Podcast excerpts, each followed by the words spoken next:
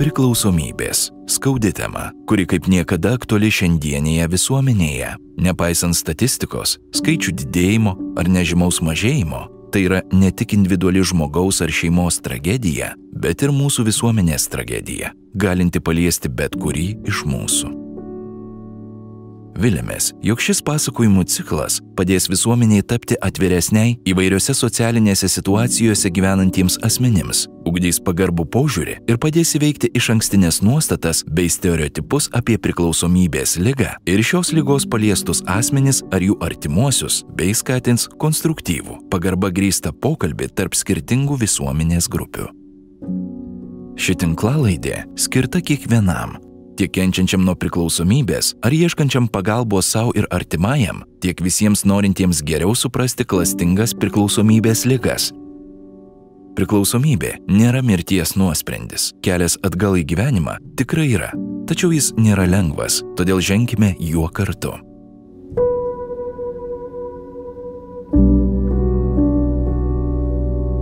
Trečiajame ciklo epizode išgirsite Austėjos liudijimą apie jos kelią į aktyvios priklausomybės tamsą, kasdienės pastangas iš jos pabėgti, bei kaip išlikti žmogumi deformuotų santykių ir įvaizdžių pasaulyje.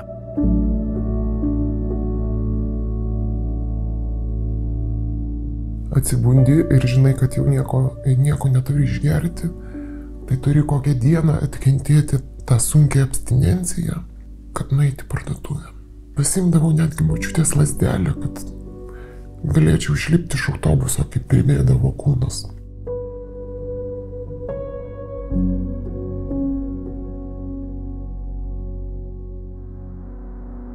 Trečias epizodas. Teko rašyti autobiografiją. Mm, pagal programą reikėjo prisiminti vaikystę. Kai atėjau į reabilitaciją, aš išgirdau pirmų jau, kurie rašė tą darbą. Galvojau, kokia mano bus graži vaikystė, kai aš rašysiu šitą darbą. Mm, aš tikrai turėjau ko džiaugtis, bet kai atėjo laikas pačiai rašyti po pusės metų, net neatsiminiau, kada mane mama apsikabino. Negalėjau atsiminti tokių vaikiškų, paprastų, linksmų juokų. Atsimenu tik tai baimę tėvam, kad tik nesibartų, kad neparašiau pamokų, kad tik nepatikrintų. Nu kažkoks tai visą laiką tėvų bijojimas.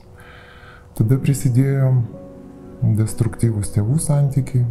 Kiek save atsimenu, tai nuo to laiko aš pradėjau daugiau apie kitus galvoti negu apie save. Ir tik tai čia va tos savianalizės įvyko šitoje reabilitacijoje. Ką anksčiau laikydavau būdo bruožus kaip privalumą, tai man jie vos netrūkumais dabar atrodo. Ir iš dalies tos visos tie visi dalykai ir atrodo net gal ir geriau būčiau nežinojus tų visų išvadų. Nes dabar liktai reikia vaikystę pradėti iš naujo. Nuo vaikystės. O esant 52, tai netai paprasta. Dirbau, turėjau padalinio vadovę, buvau, už nugaros reikėjo apitiksliai 70 žmonių pasirūpinti. Ir kai reikėdavo pas direktorę eiti dėl jų piniginių priedų, už jų atliktus darbus, Ir tai už juos būdavo daug lengviau prašyti negu už save. Už save niekad neprašydavau kažkokio ir vis galvodavau mane taip įvertins.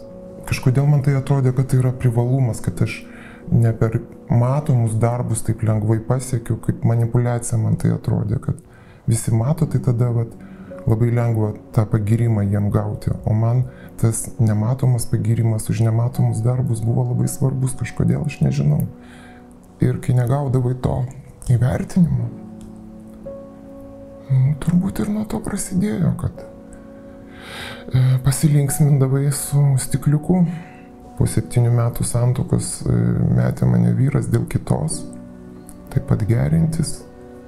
Aš tada iš viso, kaip sakoma, kovojau su tuo alkoholizmu, išpilant visus e, vyro neišgertus suslėptus gėrimus.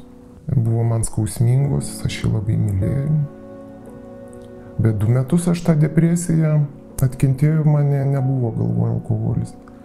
Ta pati sesuo jaunesnė, su savo draugė, mane, manęs nepalikdamos namuose, tokios depresijos būsenai, bet to sunus buvo septynių metų. kažkaip pradėjo temptis į visokius mm, barus, naktinius klubus. Tai ir ten aš negėriau. Tiesiog daug rūkydavau ten, stikliuką vieną kitą. Bet blogiausia, kad atsirado alkoholis mano namuose. Tada vat ir prasidėjo. Mm, tokia nekalti atrodo tik tai. Tai ir išeiginės po darbų. Tada palaipsniui pradėjo tą būseną patikti, kiek įdidėti pradėjo. Po to atsirado jau poreikis. Netgi įprotis, tai malonus įprotis kaip rūkimas. Ir virto į poreikį, priklausomybę. Tarkim, kaip pas mus dabar priklausomi, sako, slidininkai, tai reiškia geria, paskui sustoja kažkiek periodą. Tai aš buvau, galima sakyti, visą gyvenimą 20 metų trasoje, tokioj nuožulnioj, ilgoj trasoj ir iki pat savo dugno. Šiaip gyvenime man nesisekė su vyrais galbūt.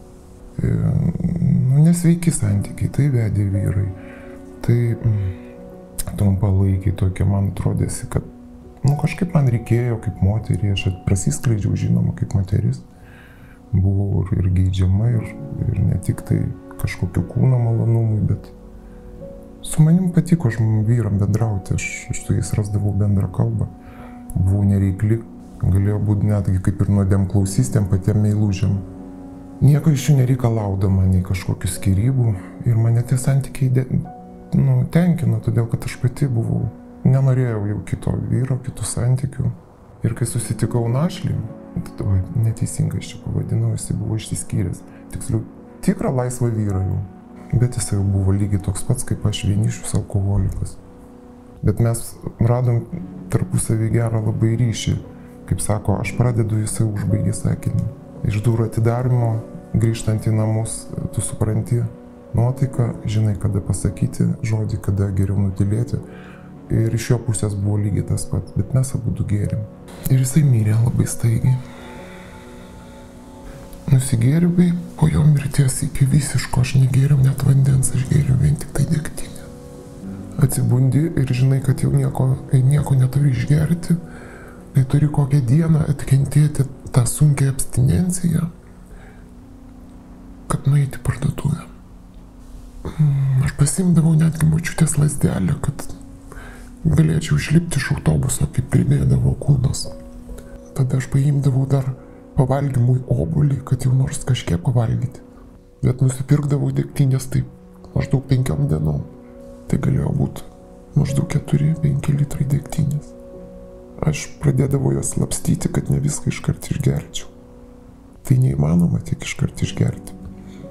Bet aš galvojau, labai sunku būdavo iškesti tas abstinencijas, kad paskiau nueit nusipirkti. Ir aš prieš artimuosius vaidinau, kad man viskas gerai, kaip mirė Saulis, jie mane guodė. Man buvo sunku, jie sako, taigi tu nelikai viena. Tai tu turi mamą, tėtį, seserį. Sakau, mama, kaip tu nesupranti. Aš puikiai žinau, kad turiu mamą, seserį, tėtį. E, žodžiu, aš vaidinau prieš juos, kad man viskas gerai, pakalbu telefonu ir geriau. Ir taip tokiu pačiu apsimestiniu būdu sesuo paskambino. Tai buvo šeštadienis. Važiuojam, sako, į sodą. Aš po to, kaip atgaivinu visus tos įvykius, aš atsibudau, sakau, gerai, aš galiu vairuoti. Nes aš buvau, ne, gerai jaučiausi, nes aš buvau neprablaivėjus. Todėl aš dar gerai jaučiausi ir aš sakau, tvarko, aš greit susiuošiu. Žodžiu, aš padariau eismo įvykį. Dėl atsargumo, sako, sudarom tą įvykio protokolą, tą eismo įvykį. Aprašymą. Ir mes pasišalinam iš pagrindinės gatvės ir aš bevažiuodama savo pažįstamus poliklinikos aikštelėje numušiau numerių registratorių.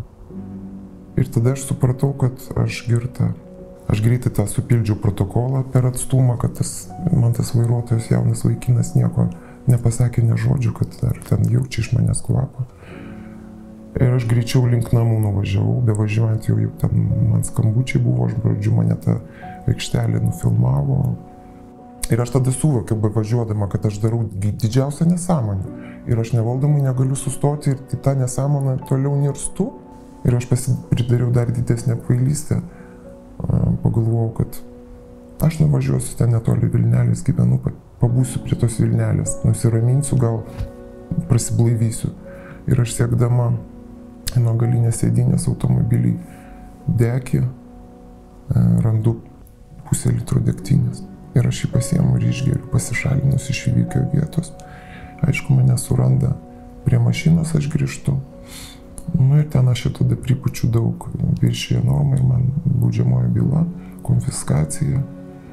Tada tėvų mm, rūpestis dar didesnis, čia nieko tokio, čia tu žmogaus neužmušiai. Aš apie smulkmenas nepasakosiu. Dar didesnis tas toksai. Ir aš vėl vaidinu, kad man viskas gerai, iš tikrųjų dar daugiau geriau. Ir viena tokia abstinencija atvažiuoja mama, nes aš jį paskiau pradėjau nebekelt ragelio. Ir jinai pamato atvažiavusi. Bet aš negaliu neatsikelti, visą drebu, jinai nežino, niekas nežinojo apie mano, aš vieno, visą laiką slėpiau. Na, nu, žodžiu, ir kaip mama atvažiuoja, pamato mane jin ten nori greitąją kviesti viską. Aš nesileidžiu. Kaip jinai jau matau, kokia išsigandusi, jinai galvoja, kad aš šitoj mirsiu, šiaip išsekusi nuo depresijos. Ir aš jai pasakau, kad aš alkoholikė. Ir dabar prabuvusi čia septynis mėnesius, aš žinau, kad manęs niekas nebūtų įkalbėjęs. Dažniausiai taip ir būna, kai kalbinėjai, tai tu sveiksti dėl kitų. Tai būna labai nu, sunku suvokti, kad dėl kitų tu nepasveiksi. Turi dėl savęs veikti. O dabar aš iš tikrųjų dėkoju savo, kad aš tai pasirinkau Tai, tai yra nėra lengva dabar, aš savivertės netekusi. 52 darbų neturiu, nors prieš tai buvo geros pareigos. Tai toks etapas gan sunkus, kai, kai pas mus čia sako, kai esi dabar be odos ir kiekvienas žodis, tos visos psichokorekcijos užsiemimai, savianalizės, e, vienam giliau paliečia, kitam ne taip Aš juk atrodė, nu aš atėjau, tai aš niekam gyvenime juk netrukdžiau, kad aš viena gėriau pasislėpusi. Nuo sunaus slėpiau, pas mane ant stalo niekad nebuvo, nei stikliuko, nei butelio. Viskas kažkur paslėpta ir pasislėpus gerdavau. Ir aš galvojau, kad niekas nemato. O tai kaip nemato. O čia taip paskiau viskas išaiškėja. Atrodo toks dalykas ir kaip tas pagal žingsnį, mes čia pirmą žingsnį praėjom, e, bejėgiškumas, man tiek apnuodyta ta psichika, viskas, tų realių dalykų net nematai, nesuvoki ir kai čia supranti, nuo to, kai prasidėjo bejėgiškumas, net apie tai pagalvot, tada augai nevaldomumą ir kai man atsirado tas visas suvokimas, nu, žinokite, galvojau, kad jau geriau gyvai po, po vėlieną lysti. Man tai buvo labai skaudu. Bet čia iš tikrųjų labai maloni, gera vieta. Čia mano apskritai pirma reabilitacija gydykla per tiek metų. Iš, iš kitų tik tai papasakojimų galiu pasakyti, kurie buvo kitose reabilitacijose. Čia viskas eina per gerumą, niekas tave nieko neverčia. Viską daryk per savo sąžinę, tu savo gydaisi, jeigu tu pati, na, aš pati norėsiu, tai pati tiek ir pasieksiu. Specialistai tave žiūri kaip į žmogų, aš jaučiuosi jiems svarbi, Bet kada gali apsisukti ir išeiti? Nepasirašai kaip nu, įkalinimo įskaidai turėtų būti, įstaigai turėtų būti. Čia tau sako, tu tik lik ir daryk, mes tau viską padėsim viskuo. Tu tik pasakyk. O išmok, o pagalbos prašyti yra, man tikrai sunku, atrodo, paprastų dalykų. Juk aš viską pati galiu daryti. Visą gyvenimą taip galvoju. Viską pati galiu daryti. Argi čia yra sunku pačiai padaryti, pasistengti. Nu tai ir prisidariau iki, vat, iki tokio pati, pati, viską moku dar ir kitiem padėti. Ir aš atėjau galvojau, alkoholikai prisigalvojo savo lygai labai skambės frazės alkoholikas apsileidimo, apsileidusio gyvenimo būdo apsileidimas. O čia prisidengia psichikos lyga, sunkiai, nepagydoma, mirtina. Nežin, aš nesupratau to pasakymo tik nepakelk pirmo stikliuko. Nu tai kas tas pirmas stikliukas, jeigu aš galiu nuo butelio nepasigerti? Nesuvokiau už tos, to, kai visi jungia tas nevaldomas mechanizmas. Kas tai yra trigeriai, nesupratau, tai yra pavojai, kad vengti, nebendrauti, ne, nesėdėti baliuose, kur geria, nes tu jau automatiškai užvedi tą, nu man viskas atrodė mistika, čia kažkokia tai, ir man tą reikėjo suvokti per pasidalinimus, per kitus anonimus girdint nėra tos tabletės ir jos gal ir nebus. Ta tabletė man kiša, ta tabletė Minnesotos išbandyta nuo 35 metų. Ne, man šitas vaistas nepat, netinka, aš noriu savo. Aš savai kontroliuosiu, aš pati geriau žinau. Man specialistai sako, mes tau siūlom, tu tik imk. Nu, jie neprievarta, jie taip mums aiškiai atveria akis, ne, mums to nereikia ir mums to nereikia, aš savo ir mes vėl pakeliam tą stikliuką, man dabar gausis, aš jau moku ir po metų, ir po pusantrų, kažkas po mėnesio, tu vis tiek įjungi tą. Atrodytų gal kraštutinumas, arba aš geriu, arba negeriu. Taip ir yra. Anksčiau ar vėliau vis tiek, nes alkoholikas tau vis tiek cheminės medžiagos bet kokiu atveju pažeidė tavo psichiką negrižtamai. Ir tu turi dabar Kaip tu nori ją įvardinti, gėdinga tau lyga, bet tu turi lygą. Nes reikia teisintis, kažkam aiškinti. Nu, aš dabar kaip ir suvokiu, nei čia reikia aiškinti, nei reikia teisinti, niekada tu neišaiškinsi savo filosofijos. Vienas alkoholikas turi savo filosofiją, savo aukštesnę jėgą, kitas kitą.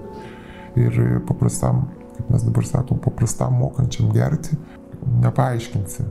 Netgi mano mama sakydavo, sakė va čia va jau telefonu kaip kalba Kaip tu dabar čia taip negali? Nu, va tu įsivaizduok, jeigu tu išgersi, taigi tavo Marius, sunus, numirs. Sakau, jeigu aš taip galvosiu, tai man mama iškart kartis reikia. Ne dėl to aš negerčiau, o jeigu su ta mintim, ta filosofija, jeigu aš su ta mintim sėdėsiu ir savo neleisiu gerti, tai, tai man bus nu, tiesiog nepakeliama našta, jeigu aš tą geranoriškai pripažinsiu. Mes sakydavom, vartojime, kai buvom tam dideliam, nu jau šiandien paskutinę dieną, o nuo rytojus jau tikrai ne. O čia mums sako, šiandien tikrai ne, dar šiandien ne, o rytoj kaip, kaip bus. Ir taip kiekvieną dieną. Nu šiandien, nors sunku, nu tik šiandien pabandyk, o kai bus rytoj, tai bus. O kai vartojame, darėm atvirkščiai. Ir kai atsiranda kitas suvokimas, kai tu gali bendrauti, juoktis iš vėlgi gal banalius dalykus pasakysiu, kai pradedi pamatyti, va, man buvo bendruomeniai gėlės rūpintis. Kai tu galvoji, kad džiaugiesi tom pražydusiam gėlėm, o ne kankiniesi, kad jas reikia palieti. Ir džiaugiesi nuo paprastų žodžių, juos kitaip priėmė ir tu iš jų jokiesi ir čia reikia išmokti gyventi, pasirodo galima jau klinksmintis ir atsipalaiduoti, ne, nebūtinai per alkoholį. Nu, bet nėra taip lengva. Dar tik mano blaivybės per 20 metų. 8 mėnesiai. Iš kitų čia moterų girdžiu, kad yra jos pirkdavo, tarkim, alkoholinius gėrimus, kad pagalvotų, kad e, kaip moteriai tai labiau tiktų. Man tai nebuvo būdinga. Man labiau buvo baisu tą pripažinti ne kaip moterį, bet kaip E, darbe, kadangi aš buvau viršininkė. Ir kaip man reikėdavo mm, rašyti pasiaiškinimus, imti žmonių, kurie ateina į darbą su kvapu. Tai man buvo tas kažkaip, nežinau, aš išmokau užsidėti kaip vartojantį tokią kažkokią tai, kaip čia pavadinti, nu, šydą ar kaip, na, tipo, nes nekreipiu į tai dėmesio abejingumo tokią gal kaukę, nepriimti nieko, bet tuo pačiu atsirasdavo tos, kaip vadinamos, halucinacijos. E, akis mano visą laiką bėgiodavo ir žiūrėdavo, kur eina viršininkas, kad tik tai manęs nepakviestų, kad tik tai ypač tom dienom, kaip man būdavo drebulys, nes tu gali drebėti paniškai vieno to, e, kad tave pakvies ir tu sėdi per posėdį visą drebino įtampos. Ne nuo abstinencijos, o nuo įtampos. Bet tai automatiškai man buvo svarbu ne kaip moteriai, bet kaip vadovui. O dar ir moteriai, va šitoj vietoj tai kaip moteriai tai. Ypatingai buvo sunku, kai atviram pokalbį pakviečia vadovas ir sako, mes tau padėsim, tu tik tai atsakyk. Ir kaip tą pripažinti, pati padėjau tokiem žmonėm, kurie drąsiai, atvirai atėjo ir sako, pas mane atėjo dirbti pagalbinis darbininkas. Jisai sako, padaryk kaip nors, kad mane paleistų į reabilitaciją, nes aš narkomanas. Aš sako, čia jisai tris dienos kaip dirba, aš čia vaikštau ir aš viską matau, ką pavoksiu. Ir aš nuvėjau, direktorė buvo be proto griežta, bet jinai ir lojali darbuotojams. Ir kaip aš pavydėjau tam jaunuoliui drąsos, bet man buvo tai baisu. Ta visa, jau tada gal buvo 10 metų vartojimo slėpimas, prisipažinti, paprašyti tos pagalbos. Tas va, prisipažinimas, tai man, man čia didžiausia buvo pažeminimas, gėda didžiausia, ne kaip, ne kaip moteriai, kaip mamai, kaip tiesiog visuomenės daliai moteriškosios lyties. Save tai kaltinau dėl to, kad realiai tai aš taip ir nepabandžiau normaliai susijimti apie tai pagalvoti, nes atvirai tariant, sąžiningai tos būsenos patikdavo kaip pabėgi, tas apsvaigimas, o be to ir nuo darbo įtampos e, tai buvo pabėgimas nuo nemigos. Nes ištisai galvoji apie darbą, ištisai galvoji, ką tu pasakysi per susirinkimus darbuotojams, reikia viešai kalbėti, reikia ne oratoriškai ten kalbėti, bet turėti drąsos kalbėti žmonėm, o, o bendri susirinkimai virš 50 žmonių. O priedo tos abstinencijos, tas, ką galvoja kiti ir tu pastoviai įtempta, jeigu jau kažkas ten pasišnipžda, tai jau apie mane, pasižiūrėjo, tai jau apie mane. Viskas apie mane. Ir tu grįžti su ta baime namuose ir tu išgeri ir tu atsipalaiduoji tik išgerus.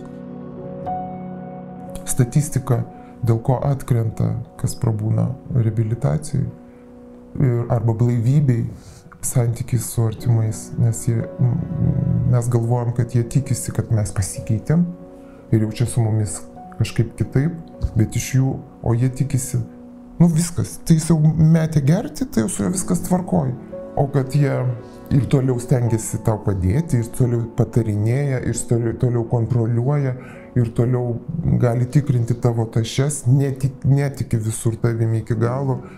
Ir asmeniškai žmogui atsiranda alkoholikų tam. Pačiam reikia su savim susitvarkyti, o dar čia su kitais. Ir ta statistika, kad 50-70 procentų atkrenta, net laiko to viso. Nuo santykių su artimaisiais į tą, tą ratą, į kurį grįžta. Tai čia yra labai dideli skaičiai. Nu, šitą reabilitaciją stengiasi mūsų apsaugoti ir tie netgi darbą pasirinkti, kad nepervargtų. Kad atsirado pas mane panika, nu tai kaip čia nepervargti, juk darbas. O dar toliau tęsti tą 12 žingsnių Minnesotos programą, jeigu tu eini susirasti globėją, toliau dirbti, rašyti. Nu kažkoks man atrodo, kad aš už tos Minnesotos ištekėjau man dabar kaip antra pusė. Reikia dabar klausyti, ką sako. Iš tikrųjų reikia klausyti ir įsiklausyti, o neatmesti. Ta aš tengiuosi ir daryti.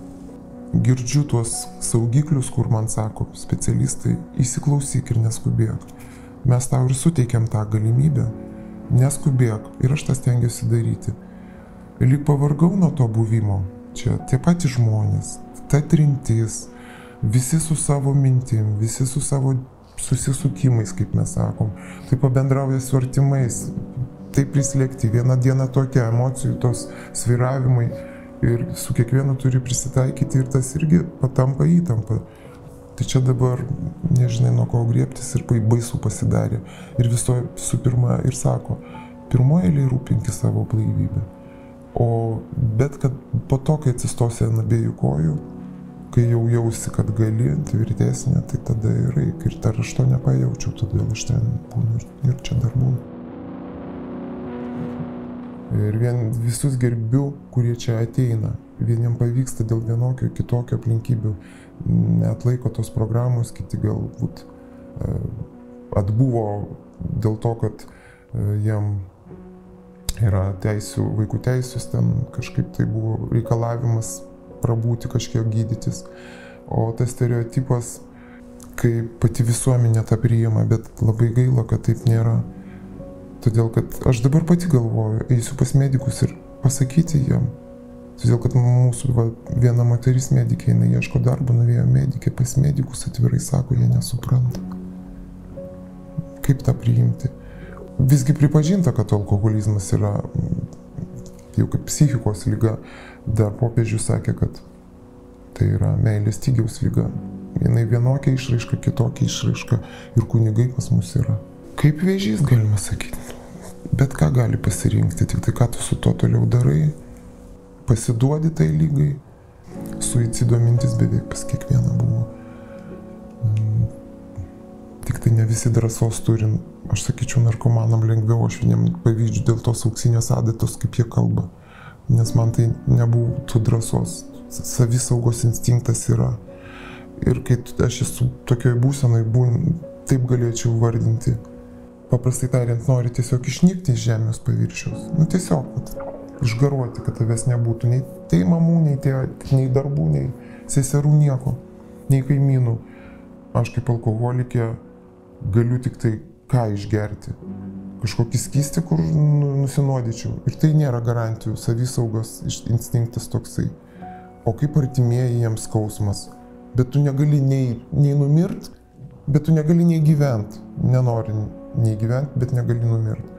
Nu ir, ir tokia psicho, psichinė būsena, toks dugnas psichiškai.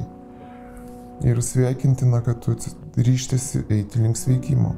O tie, kurie pasiduoda, viską parduoda, nežinau kaip juos vertinti, pasiduoda ir numiršta prie konteinerio, sušala. Negalėčiau aš vertinti jų padėties.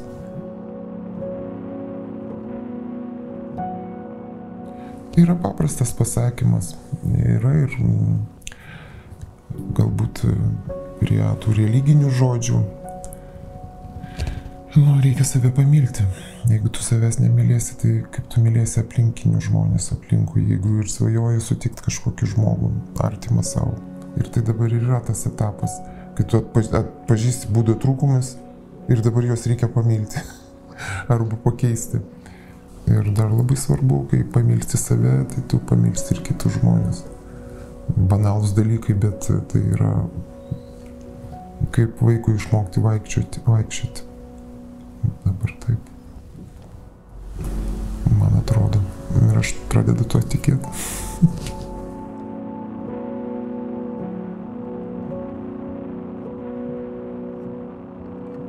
Priklausomybės lygos gali visiškai sužlugdyti žmogaus gyvenimą. Todėl svarbu laiku kreiptis į specialistus ir nedelsiant ieškoti pagalbos. Jos sukelia tiesioginę grėsmę ne tik alkoholį ar narkotinės medžiagas vartojančiam asmeniui, bet ir daugeliu kitų jį supančių žmonių bei veikia sveikatingumą plačiaja prasme. Dėkojame visiems klausiusiems ir tikimės jūsų dėmesio sulaukti kitame šių tinklalaidžių ciklo epizode. Likite sveiki! Ši tinklalaidė parengta bendradarbiaujant su Vilniaus arkiviskupijos karito priklausomųjų asmenų bendruomenė Aš esu ir Vilniaus miesto savivaldybės administracijos veikatos apsaugos skyriumi.